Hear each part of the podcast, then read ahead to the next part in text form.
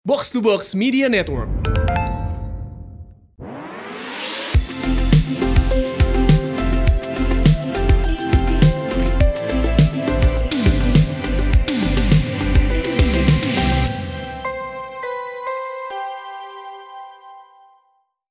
Hi ladies, welcome back to She Talks About uh, the new episode.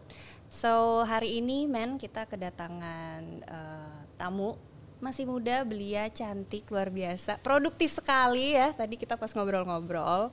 Um, mungkin langsung aja, please welcome Gina. Hai, Hai, welcome. Halo Kak, thank Selamat you. datang di studio podcast Talks About. So Gina ini um, awalnya aku tuh lihat dia di Instagram juga kan banyak banget um, prestasi terus juga kegiatan ya Gina ya yang Iya. kamu sekarang lagi jalanin yang kayaknya membuat agak jiper ya wanita-wanita zaman sekarang soalnya produktif banget men Iya, iya. gitu. So Gina ini basically um, punya kita ngomongnya apa sih berarti kalau empower itu? Ah, organisasi non profit.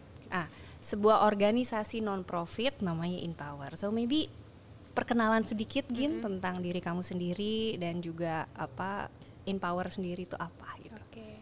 Thank you Kak Rika, Kak uh, Men untuk udah invite aku di sini. Perkenalkan nama aku Gina. Aku sekarang mahasiswi Fakultas Hukum. Aku tahun terakhir, bentar lagi lulus. Semoga doain semuanya Amin. nonton. dan sekarang aku lagi uh, sibuk dan terlibat juga di organisasi yang fokusnya memang um, women empowerment gitu ya. Tapi lebih tepatnya itu di bidang pembuatan kebijakan atau politik. Jadi namanya tuh Empower Indonesia yang tadi udah disebutin juga. Um, Empower itu kepanjangan dari In Policy Making, Women Represent.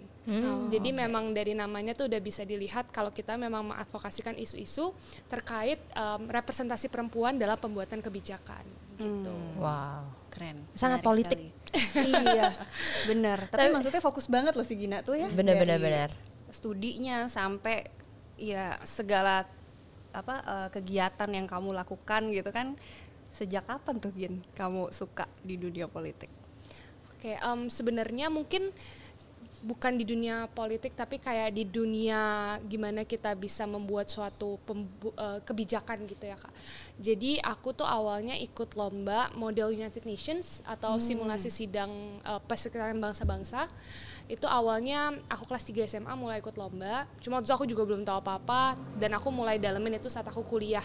Jadi di UI itu sendiri ada UI MUN Club jadi di mana kita dilatih em, keterampilan-keterampilan yang memang relevan dalam diplomasi dan juga dalam membuat kebijakan. Tapi memang Nia eh, fokusnya itu dalam em, international affairs gitu. Jadi em, tentang hal-hal isu-isu global. Dari situ aku ke expose bagaimana tuh pentingnya em, saat proses negosiasi itu benar-benar mempengaruhi outcome dari suatu kebijakan itu sendiri di lombanya kan. Jadi dari situ aku mulai mulai terinspirasi, mulai berpikir kalau oh ya gimana kalau misalkan perempuan, aku juga mungkin terekspos dengan banyaknya kasus-kasus dan eh, di kelas juga eh, diskusi-diskusi hukum, kalau misalkan kita tuh representasinya kurang nih dalam proses pembuatan kebijakan, dampaknya tentunya nanti ke kehidupan kita sehari-hari dari banyak sisi gitu. kan.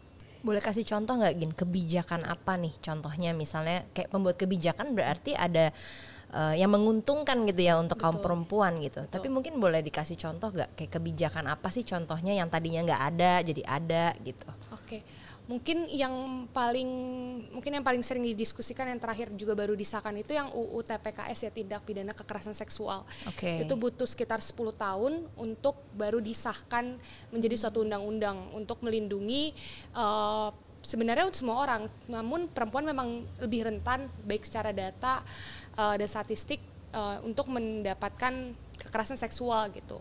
Jadi dari situ tuh kita bisa lihat kalau misalkan untuk benar-benar dipush agendanya em, dalam proses pembuatan kebijakan memang dibutuhkan representasi perempuannya nih yang tahu banget dampaknya ke diri kita eh, sendiri gitu kan. Dan secara representasi perempuan sendiri nih kalau kita lihat sekarang di mungkin status quo-nya ya eh, memang secara kuantitatif dan kualitatif pun belum em, aku bilang belum sempurna lah ya. Hmm. Jadi kita tuh sebenarnya ada kuota 30%. Ini juga rekomendasi dari UN Women eh, dari standar internasional. Kalau perempuan itu minimal representasi di parlemen itu 30%. Sekarang Oke. kita itu di angka 21% Di Indonesia di berarti Indonesia. ya. Jadi secara eh, kuantitatifnya belum. Hmm. Nah kalau kita lihat lagi, kayak aku pernah wawancara beberapa politisi perempuan juga, secara substantifnya atau kualit, eh, kualitasnya pun belum yang be- benar-benar mengadvokasikan isu perempuan di dalam eh, parlemen. Jadi Oke. dari 21% itu belum semuanya juga eh, mengerti, memahami dan mau mengadvokasikan. Mungkin karena ada politik-politik di dalamnya itu juga kan yang mungkin menghambat untuk mereka mengadvokasikan kebutuhan perempuan gitu. Jadi itu sih hal-hal yang um, aku advokasikan. Dan salah satu contohnya yang kekerasan seksual. Banyak lagi sebenarnya kak eh, apa namanya undang-undang yang tidak terlalu berperspektif gender gitu. Mungkin kayak RUU ini masih RUU Iya. masih rancangan undang-undang kesejahteraan ibu dan anak. Di mana memang perempuan itu di diperpanjang cuti hamilnya itu menjadi enam bulan Nah, aku dengar itu. aku dengar dulu itu. ya. Cuti Iya, hamil jadi enam bulan. Betul. Nah mungkin kalau misalkan secara sekilas kita melihat oh ini bagus dong, berarti kita lebih dipedulikan gitu. Kita kita lebih dikasih waktu banyak untuk uh, mengurusi diri dan juga anak kita selam, setelah dan sebelum melahirkan gitu. Tapi jika kita lihat-lihat kembali, ini tuh akan berdampak uh, pada um, perempuan itu sendiri kompetitifnya perempuan di um, bisnis, di mana pasti perusahaan memiliki tendensi untuk lebih memilih um, calon pekerja laki-laki Iya. karena lah nanti dia juga cuti dan lain-lain. Jadi betul. ad- belum dan belum ti- tidak ada kepastian kalau dia balik dari cuti pun akan mendapat posisi yang sama. Betul. Dan bahkan katanya em, gaji saat cutinya mau diambil dari CSR perusahaan yang sebenarnya tuh kontradiksi sama undang-undang perseroan terbatas di mana CSR itu eh, nggak boleh un- eh, harusnya ditujukan untuk pembangunan berkelanjutan dan tanggung jawab perusahaan itu untuk eh, memberikan gaji saat eh, perempuan itu cuti itu memang udah tanggung jawabnya jadi nggak boleh dicampur ke CSR jadi banyak kontroversi-kontroversi juga dan mungkin kontradiksi dengan beberapa undang-undang lain gitu. Oke, wah aku belajar banyak nih hari ini. Yes. Jadi memang sebenarnya peran Gina ini, maksudnya ternyata ya El ya, ternyata banyak banget keput, apa maksudnya kayak undang-undang itu di negara kita yang memang harusnya dipikirkan juga untuk Ya, perempuan. benar sih. Kayak contoh tadi kekerasan seksual, butuh 10 tahun untuk Betul. disahkan menjadi Betul. undang-undang. Dan itu pun belum sempurna. Oke. Um, in a sense kayak misalnya oke kita di undang-undang itu udah diakui ada kekerasan berbasis gender online. Uh, itu bagus berarti kayak memang pemerintah tuh udah lebih aware kalau kekerasan berbasis gender tuh nggak cuma secara fisik tapi di online misalkan kita di Chatting. stalking di apa yang Oke. sam- bernuansa seksual itu pun bisa uh, dikategorikan kekerasan berbasis gender gitu. Ada pasalnya sendiri pasal 14. Nah, tetapi kalau kita lihat em, data-data yang masuk di LBH Apik, di SafeNet, SafeNet itu organisasi regional yang fokusnya mengadvokasikan hak-hak digital itu pun masih banyak banget uh, bentuk-bentuk dari kekerasan berbasis gender online yang belum diregulasikan gitu. Contohnya kayak apa tuh? Contohnya em, kayak pelecehan seksual online tuh belum. Terus em, misalkan kayak yang cyber grooming. Terus em, banyak sih, banyak doxing dan lain-lain. Jadi mereka itu cuman regulasiin tiga, seingat aku transmisi. em, kalau ada yang di- disebar-sebarin, em, terus ada juga yang kayak em, men- mem- apa namanya? dia itu seperti stalking yang kayak am- sampai chat secara seksual gitu, mesti ada nuansa seksualnya gitu. Cuma belum semua gitu. Jadi belum sempurna dan masih banyak yang harus diadvokasikan lagi karena dampaknya pasti ke kita perempuan yang lebih rentan secara data. Betul betul. Karena intinya kalau tidak ada undang-undang berarti kan sebenarnya tidak ada landasan ya Iya, kalau mau dibawa ke tingkat hukum Betul, gitu kan. betul. Ya udah gitu dianggap tidak bisa menuntut apa pun gitu. Benar. Berarti ini Ya. penting banget loh peranan gila ini. Karena- tadi.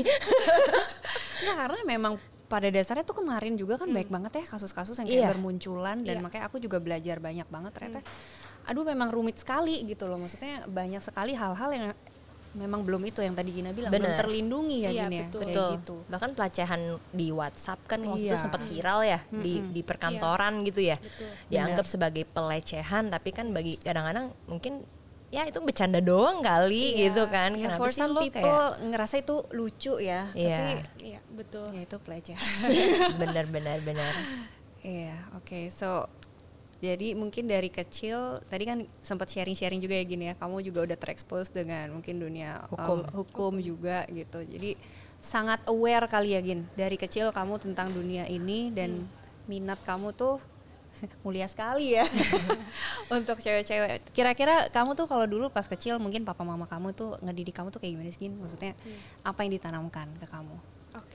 Jadi aku tuh mungkin sedikit konteks aku punya kakak tiga, tiga tiga perempuan. Aku anak terakhir. Wow, cewek semua. Ya, Cewek jadi semua. memang perem- apa ya em, di rumah pun memang ya semua perempuan jadi emang biasa tumbuh dan besar sama kakak-kakak perempuan dan mama pun mendidik kita semua eh, berempat itu untuk kayak pursue education gitu sesuai bidangnya kita masing-masing gitu mama nggak pernah em, ibaratnya menyuruh kita untuk kamu harus jadi ibu dokter atau kamu harus jadi teknisi atau apa. Maksudnya yang mungkin orang consider itu menjadi jurusan yang lebih um, populer lah daripada jurusan yang lain. Jadi kalau misalkan papa mamaku um, mereka itu mendidik aku untuk uh, bisa nge-push myself in my own way. Jadi apa yang Gina sukai selama itu benar nggak nggak yang um, melanggar susila atau apa pun um, di-pursue aja gitu dengan uh, catatan juga harus tetap um, jaga kesehatan harus tetap um, ibaratnya uh, beribadah dan lain-lain gitu. Dan itu sih yang papa mama jadi papa mama tuh nggak pernah yang benar-benar uh, mendorong yang kayak harus ini tapi lebih menginspirasi aku jadi aku bisa kembangin diri aku sendiri gitu sih Memberikan kebebasan ya Yes. Gin ya. iya betul Dan dan eh, untuk informasi aja Gina ini masih berusia 20 tahun ya. iya Sangat muda ya. sangat muda dan 20 tadi kita sempat ngobrol sebelum Nah. ini kayak apa sih gue mau tahu gitu El kayak di umur 20 tahun wanita-wanita di usia 20 tahun saat Hmm. ini tuh apa culture-nya gitu kan karena kita udah menemukan beberapa perempuan gitu di usia muda 20 21 22 itu hebat-hebat gitu. iya. Punya punya jiwa yang memang tadi yang kita bahas ya hustling culture lah Iya, anggaplah. iya. Tapi kan artinya mau berkarya, mau berdaya. Jadi emang dari kecil ya gini ya kamu udah diberikan kebebasan bereksplorasi seperti itu ya. Iya, em, diberikan kebebasan untuk bereksplorasi. Aku maunya ke mana. Aku pun kalau aku lihat kayak ke belakang gitu ya. Em, sebenarnya industri yang aku gemari itu pindah-pindah juga gitu. Jadi mungkin em, awal aku dari kecil di umur 4 tahun aku tuh sempat ikut foto model, foto model, ikut eh, film FTV gitu sampai SMP. Eh, saat SMP aku stop karena aku mau uh, mak kayak gini mau fokus ke pendidikan aja gitu. Jadi aku bener-bener em, dalemin itu di sisi pendidikan aku dan uh, SMA pun aku punya kayak aku ingin masuk UI dan lain-lain. Jadi aku makin terus fokus di pendidikan. Tapi at the same time saat aku mau masuk UI itu aku tahu dan aku maunya itu jalur undangan kan SNMPTN dan mereka tuh butuh kayak semacam sertifikat prestasi gitu. Dan akhirnya aku masuk ke paskibraka di saat SMA karena em, itu kan jatuhnya kayak abdi negara gitu kan. Eh, added value-nya sangat banyak dan sangat berperan dalam perkembangan diri aku sih. Apalagi waktu itu usianya masih cenderung muda sekali em, tapi kita udah dididik yang semi militer sama militernya langsung. Eh, rambut dipotong pendek dua jari Oh di bawah ya? kuping latihan tiap hari di monas panas-panasan dan lain-lain sampai uh, kulit aku kayak udah nggak bisa kelihatan lagi kayaknya papa ngeliat "Eh, kenapa nih? gitu. Karena aku paling misalnya aku paling putih gitu di rumah terus kayak kenapa Gina jadi paling agak gelap ya? gitu kata papa gitu dan dan di kuliah aku fokus ke lomba yang uh, basisnya tuh kayak debat gitu debat Inggris gitu kayak uh, model UN um, peradilan semu dan organisasi-organisasi jadi memang pindah-pindah sih industri aku explore gitu. Iya, iya. Akhirnya menemukan passion Sampai- kamu di sini. iya. I- iya aku bisa biasanya terinspirasi dari apa tuh film, ngeliat cewek berkarir atau apa? Atau maybe juga dari masalah yang ada di sekeliling Iya, ya. mungkin ya. Gitu. Mungkin em, pertama waktu itu kan yang aku ikut lomba em, model UN yang simulasi sidang PBB kalau di sana kan kita diskusinya tuh isu-isu sosial ya. Dan di situ aku mulai ke expose mungkin aku baru keluar dari eh, bubble gitu orang bilangnya Oke. selama ini mungkin sampai SMA aku masih live in the bubble. Mungkin pas em, SMA aku udah mulai ke expose untuk hidup nggak enak karena di paskib kan bener-bener semua sama dan lain-lain. Dan lebih bisa mengandalkan diri sendiri dan setelah itu em, pas aku ikut lomba-lomba jadi aku mulai sadar melakukan riset kan pasti untuk lomba. Oh ternyata data-data tuh kayak gini ternyata situasi di sini tuh kayak gini gitu. Aku mulai aware. Akhirnya aku mulai ikut beberapa uh, organisasi um, yang NGO gitu non profit aku pernah ngajarin para para migran di Indonesia hmm. bahasa Indonesia bahasa Inggris. Jadi mereka bisa berintegrasi ke masyarakat Indonesia gitu kan um, terus aku mulai ikut lagi kayak yang fokusnya ke pendidikan. Untuk kita ngasih kayak UTBK gratis terus kita kampanye uangnya kita kasih ke organisasi lain yang disalurin lagi ke anak-anak. Waktu itu pas uh, pandemi kan mereka kesulitan ya untuk uh, sekolah dan lain-lain. Jadi kita um, melakukan kayak penggalangan dana seperti itu. Dan setelah aku ikut kanan kiri dan melihat isu-isu yang ada mungkin isu perempuan yang paling dekat ya ke aku Um, jadi di situ aku mulai dalemin, aku mulai cari sisi-sisi yang sekiranya belum di cover banyak orang gitu. Karena mungkin woman leadership itu udah banyak yang ngomongin juga kita harus uh, lebih bisa jadi pemimpin, apalagi di sektor privat ya, di bisnis dan lain-lain. Hmm. Itu udah uh, cukup banyak. Tapi mungkin kalau kita ngomongin woman in policy making tuh masih jarang. Padahal dampaknya tuh ke semua sektor. Karena hmm. kebijakan itu semua sektor hmm. gitu. Setuju banget, setuju yeah. banget. Dan itulah awal mula uh, Gina juga akhirnya bikin empower ya. Betul. Yuk ngobrolin empower ya. ini menarik ya tadi pas iya, ngobrol itu sama Gina jadi empower ini apa gitu iya, kan. Tadi ternyata kan ada banyak aktivitinya loh. Banyak aktivitinya iya. dan ternyata melatih anak-anak SMA, iya. anak kuliah gitu ya. Iya. Apa aja sih aktivitinya, Gin? Oke, okay, jadi di empower itu kita punya dua pilar utama. Yang pertama itu pilar kampanye advokasi. Jadi fokus kita memang mengadvokasikan, meningkatkan kesadaran bahwa isu ini tuh ada loh.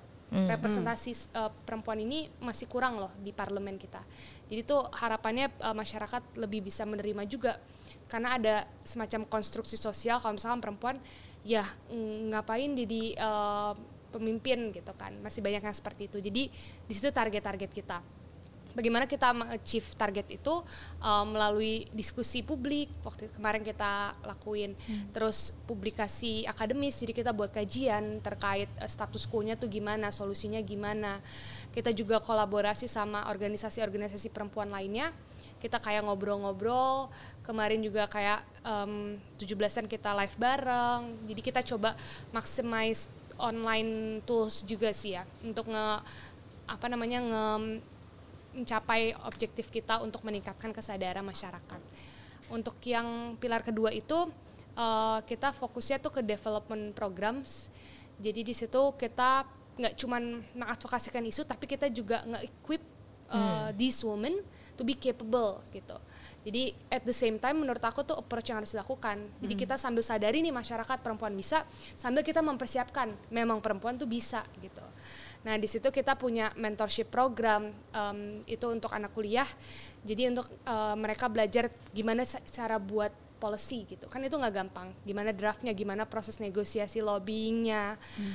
um, kita mau undang mentor-mentor dari um, yang memang sudah di politics dan mudah aware dengan uh, dynamicsnya gitu. Tapi kita juga mau approach anak-anak SMA kita approach mereka untuk mereka tuh at least bisa dulu uh, skill dasarnya kayak critical thinking, um, public speaking, skill-skill yang memang relevan yang akan mereka butuhkan kalau mereka mau menjadi pemimpin negeri. Hmm. Dan kita juga mau approach sebenarnya kayak anak-anak SD atau SMP, tapi mungkin uh, kita akan lebih bahas yang ringan-ringan aja kayak gender equality. Jadi at the very least fondasi mereka tuh udah tahu kalau perempuan tuh setara dengan laki-laki gitu. Hmm.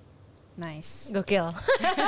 Iya, gue tuh kebayangin dari tadi kayak gue umur 20 kayak masih hahihi gitu ya, nggak ada iya. maksudnya tapi ya itu mungkin kayaknya aku ngelihat banyak anak muda sekarang tuh hmm. bener-bener yang udah kayak udah tahu maunya apa bener kata Mandy tadi hustle yeah. culture terus jadi bikin-bikin something yang very apa impactful kali ya yeah. buat lingkungan sekitar ya kita berharap sih semua anak-anak muda zaman sekarang cewek-cewek bisa kayak Gina bisa dicontoh. Iya, karena itu iya. panggilan panggilan iya. hati sih untuk bisa iya. melakukan ini semua kan. Bener. Coba aku penasaran nah. sih, jurusan hukum tuh di uh, let's say jurusan hukum gitu. Iya. Emang masih gender tuh mostly banyak kan laki-laki ya saat ini? Hmm. Kalau di FHUI menurut aku udah hampir setara sih. Oh, hampir setara. Hmm, ya. Udah banyak juga perempuannya dan lain-lain. Okay. Berarti bisa kita lihat nanti mungkin ke depannya di parlemen bisa tadi ya Amin. 30 persen. Mungkin anakku perempuan. Satunya Iya, iya, tahu iya, duduk iya. di parlemen anak kita kan. Iya, amin ya, siapa tahu memberikan kan. kebijakan-kebijakan Ah, ah, ini ah, gitu. Nah, aku juga tadi kepikiran sih Gin. Maksudnya ini kan memang kamu uh, aware secara hukum gitu kan. Nah, eh, kalau buat nih perempuan-perempuan di luar sana gitu, kira-kira kalau misalnya dia pengen tahu juga nih, aware juga eh, untuk ya mungkin masalah tentang terkait em, perempuan dan sekitarnya, itu kira-kira apa aja sih yang harus mereka lakukan selain membaca gitu misalnya, ataukah mungkin siapa tahu ada di Empower gitu kan, acara-acara tertentu gitu Iya. kan? Oke, Em, menurut aku pasti kalau misalkan kita mau mengerti soal eh, isu sosial kita harus benar-benar dalemin secara em, filsafatnya sih ya, secara struktur kenapa sih suatu isu itu bisa menjadi isu.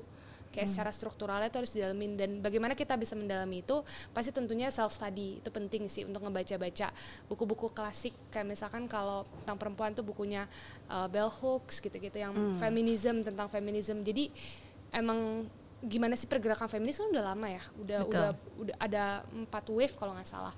Dari di Amerika um, sampai sekarang dan lain-lain. Jadi mungkin untuk self study dan mengerti dasarnya itu penting dulu dan saran aku setelah itu mungkin bisa ikut diskusi. Kayak banyak banget sekarang platform yang menyediakan diskusi terkait uh, perempuan. Ke- kemarin Empower juga kita buat diskusi kayak how women can be involved in policy making. Terus bagaimana uh, perempuan itu bisa secara substantif uh, merepresentasikan kepentingan di parlemen gitu jadi menurut aku selain kita juga uh, belajar sendiri kita juga harus dengar perspektif orang lain. Karena kemarin pas aku diskusi sama teman-teman dari organisasi lain aku pun kebuka banget. Banyak hal-hal ke- uh, yang aku baru sadar angle-nya tuh oh ternyata yang ini angle-nya juga masih salah ya dan lain-lain. Jadi menurut aku dua approach itu sih. Kita tanamin kita tanamin ilmu diri kita sendiri tapi kita juga diskusi untuk mendengar pendapat orang lain gitu Open minded lah ya. open minded ya, Ya, ya. Tapi mungkin aku juga mau nanya ini Gin, kan kalau misalnya perempuan nih menurut Gina ya, maksudnya kita mungkin udah ke personal life gitu, panda- Oke. pandangan pribadi Gina gitu. Perempuan itu kan katanya kalau dia kuat ya kan, kalau feminis lah anggaplah itu bagi sebagian orang juga tidak terlalu baik katanya. Karena kan culture kita itu adalah perempuan itu kan lebih tunduk kepada suami, anggaplah seperti itu ya, kepada laki-laki. Maksudnya walaupun kita setara tapi kadang-kadang nih kalau udah terlalu emansipasi katanya, perempuan tuh jadinya tuh nanti eh, apa ya? Tinggi hati, terus mungkin jadinya nggak perlu orang lain Ada yang bilang tidak pada tempatnya juga tidak sih. pada tempatnya juga gitu loh. Jadi kadang-kadang mungkin bagi sebagian orang jadi masih bingung gitu loh untuk perempuan. Kita kalau karir ketinggian katanya nanti cowok eh, takut gitu kan. Eh, pendidikan terlalu tinggi men- nanti cowok takut Mas. Mana ada yang mau gitu kan. Nah, menurut Gina sendiri tuh gimana? Hmm, oke Pendapat pribadi nih. Iya. Gitu. Uh, um, memang ada konstruksi sosial kalau kita memang ada relasi kuasa antara perempuan dan laki-laki, di mana kita memang subordinasi atau lebih rendah. Um, menurut aku saat kita menyuarakan uh, suara perempuan yang mungkin selama ini sering dibungkam um, dan kita dibilang itu menjadi suatu hal yang negatif ya di masyarakat, menurut aku tuh miskonsepsi dari uh, esensi feminis itu sendiri dan uh, kenapa kita menyuarakan hal itu. Um, kalau menurut aku yang namanya kita um, human being gitu ya pasti kan uh, kita memiliki hak dan juga kesempatan yang sama seharusnya gitu.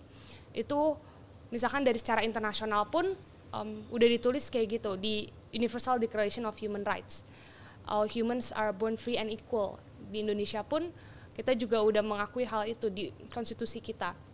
Jadi uh, saat kita menyuarakan hak yang memang sudah diatur secara resmi pun dan memang sudah sekioknya kenapa harus uh, dikatakan kita itu yang malah menyalahkan suatu budaya tersendiri gitu. Maksud dari adanya feminist movement atau misalkan um, penyuaraan hak-hak perempuan itu adalah agar kita bisa memilih gitu. Dan menurut aku ad- misalkan orang mau menjadi ibu rumah tangga itu nggak apa-apa itu hak dia orang mau menjadi ibu um, wanita karir itu juga hak hak dia gitu laki-laki pun sebaliknya. Laki-laki mau jadi um, ayah rumah tangga misalkan yang lebih ngurusin rumah ataupun laki-laki mau menjadi um, bisnis karir gitu. Atau um, gimana gitu apa yang dia mau. Itu kan kebebasan diri ya kebebas, kemerdekaan diri kita sebagai seorang manusia. Jadi menurut aku itu adalah miskonsepsi yang dibuat seakan-akan kita itu menyuarakan hal yang um, tidak sesuai dengan nilai-nilai agama atau nilai-nilai Ya. budaya. Padahal semua harusnya secara uh, agama pun ya semua setara kita nggak boleh saling menyakiti saling harus saling respectful gitu gitu kan jadi menurut aku kalau misalkan masih ada stigma seperti itu ya itu mas berarti masih banyak pekerjaan yang harus kita lakukan untuk menyadarkan Gina nih. Setuju. benar Itu benar juga sih benar. poinnya. Memang kayaknya aku ngelihat ya PR-nya masih banyak sekali. PR masih banyak Gitu. Jadi kayaknya membutuhkan lebih banyak wanita-wanita yang dan laki-laki juga dan laki-laki Betul. juga yang Ah, bisa betul, membela betul. ya. kita harus beriringan secara bersama-sama untuk mengachieve gender equality itu udah jadi Iya sih. Sustainable pembangunan berkelanjutan juga kan kayak gender equality. Kenapa sampai kayak gitu? Berarti memang seharusnya perempuan dan laki-laki setara gitu. Dan Ya. kalau misalkan perempuan jadi egois kalau kita menyuarakan itu apakah laki-laki juga nggak jadi egois kalau dia karirnya makin bagus? Sebenarnya kan sama aja tapi kenapa harus ada double standard gitu Ya kan? betul betul. Dan ini biar nanti eh, orang tua yang generasi mungkin ya ke depan lebih pintar gitu. Jadi Iya, hopefully untuk ya. untuk mendidik anak juga jangan ada perbedaan gitu kan. Sebagai kita sebagai orang tua misalnya, "Ah, kamu mah anak cewek gitu, nggak usah lah sekolah tinggi tinggi atau keluar seperti itu misalnya. Iya, iya. Karena sama gitu. Betul. Tapi untungnya se- semakin ke sini kayaknya uh, semakin apa ya open minded ya Open-minded. mereka ya. Oke, so tadi sharing-sharingnya sangat apa ya membuka pikiran ya Gin ya. Aku belajar banyak banget. Tapi aku dari tadi penasaran ngobrol sama Gina. Tadi awal kan kita ngobrol kan. Sibuk banget kan dia ya. Sibuk banget. Apa aja tadi coba boleh disebutkan lagi? Kamu ngapain aja? Coba. sekarang aku lagi mau persiapan skripsi Iya. um, semester akhir semoga Uh-uh. terus lagi ngurusin Empower dan lagi mau mulai magang lagi yang baru Nah itu, jadi dengan banyaknya kegiatan kamu tuh tips kamu membagi waktu tuh gimana Gin? Em, kalau aku sebenarnya aku menggunakan kayak tools tools management time management gitu sih. Yang paling aku suka tuh yang uh, Eisenhower matrix yang terkait urgency sama butuh berapa banyak uh, waktu untuk menyelesaikan. Jadi kayak two by two matrix gitu. Em, misalkan kayak kalau misalkan lebih urgent terus oh, lebih banyak waktu itu uh, biasanya itu aku kerjain kedua. Tapi kalau misalkan lebih urgent tapi less waktu aku kerjain dulu yang pertama. Jadi kayak aku rutin berdasarkan itu. Terus um, mungkin aku kayak benar-benar allocate my time untuk spesifik satu persatu pekerjaan. Jadi nggak multitasking karena menurut aku hasilnya tuh nggak bakal sempurna. Uh, uh, dan maksimal. Jadi kita kerjain satu-satu dan bagaimana menentukannya aku menentukan dari yang urgency dan timing yang, dibutuhkan. Gitu sih Pakai apps itu. Enggak, aku Enggak. bikin aja sendiri cor-coran. Dari knowledge ya. Two apa tadi two? Two by two metric. Two by two matrix L. Emang beda ya. Kalau kita kan, ya kayaknya penting sih. Oke, ya udah gitu aja. Iya karena kan kita Iya. urusannya banyak juga ya. Iya sih, iya benar. Tapi nggak apa-apa kita terus belajar sih. Maksudnya eh, walaupun masih single gitu ya, belum menikah, tapi itu fondasi yang akan penting loh nanti Gin ke Iya. depannya untuk Betul. bisa punya prioritas seperti itu. benar, gitu. benar, benar. Ya. Tapi masih enjoy dong eh, kehidupan muda, nggak nggak- Masih. kerja Kamu terus. masih ada me ini kan. time kan? Masih, masih, kan? ya, masih suka Netflixan. Oh, Dan gitu. aku selalu olahraga tiap hari. Oh. At least Ah. 30 menit kayak lari atau apa sebenarnya untuk clear main-main aja gitu dan gerak. Hmm. Karena kalau misalkan duduk doang ambil laptop kan biasanya Iya. itu punya back pain kita bentar lagi. Oh, bukan kita doang ya. Iya ternyata 20 juga. ternyata. Iya iya iya. Ya menarik banget sih. Maksudnya aku juga belajar dari Gina, seorang Gina yang masih umur 20-an tapi sangat uh, menginspirasi ya menurut aku ya. Aduh, thank you banget for coming here. So, um, kira-kira kita ngomongin juga uh, dari pekerjaan kali ya. Maksudnya kegiatan yang kamu um, lakukan sekarang tantangan terbesar kamu apa sih, Gin? Em, mungkin tantangan terbesar itu kadang self doubt sendiri sih. Hmm. Iya, karena em, kadang tuh kalau ngeliat sesuatu mungkin dari awal kita ngeliatnya tuh oh this is so big gitu. Kayak I think we're too small for something that big gitu. Kadang kadang pasti kita punya pikiran kayak gitu. Aku pribadi punya pikiran kayak gitu. Dan em, saat aku ngelihat saat aku mulai, mulai pikir kayak gitu, aku mulai mungkin aku mulai breakdown lagi. Emang what it takes sih emang untuk bener-bener nyampe di poin yang aku mau misalkan that big things yang aku mau achieve gitu. Oh ternyata butuh ini butuh ini. Dan ternyata kalau kita kayak urain lagi oh ternyata lebih achievable ya gitu. Dan insecurity dan lain-lain pasti ada sih. Menurut aku eh, even orang sehebat apa pasti punya keraguan sama diri sendiri. Cuman yang bisa nge-overcome that doubt itu adalah baru orang-orang yang mungkin lebih bisa self control dan yang bisa lebih dekat uh, dengan goalsnya. Mungkin itu sih tantangan. Hmm. Tantangan terbesar justru meragukan diri sendiri gitu ya. menurut aku iya kadang suka mikir don't think we're enough for that opportunity atau apa gitu. Dan mulai own my achievements dan my mistakes sih itu juga susah. Untuk at the same time aku harus own my achievement kayak you've worked so hard for that you need to own that gitu kan tapi at the same time aku juga harus own my mistakes kadang kita jadi kurang bisa menerima kayak kenapa sih gue gini kayak ada regret ada penyesalan tersendiri harusnya kita juga own my mistakes karena both things achievement and mistake makes us who we are today gitu kan Hmm. Agree. Itu udah termasuk pelajaran hidup yang paling berharga Kak Git selama ini. Um, pelajaran hidup ya. Hmm, menurut aku acceptance sih mungkin yang paling susah dan paling harus terus dicoba gitu. Maksudnya kayak life lesson yang mungkin harus terus diterapin itu menerima ya. Karena even um, orang sukses apa pasti punya failure gitu kan.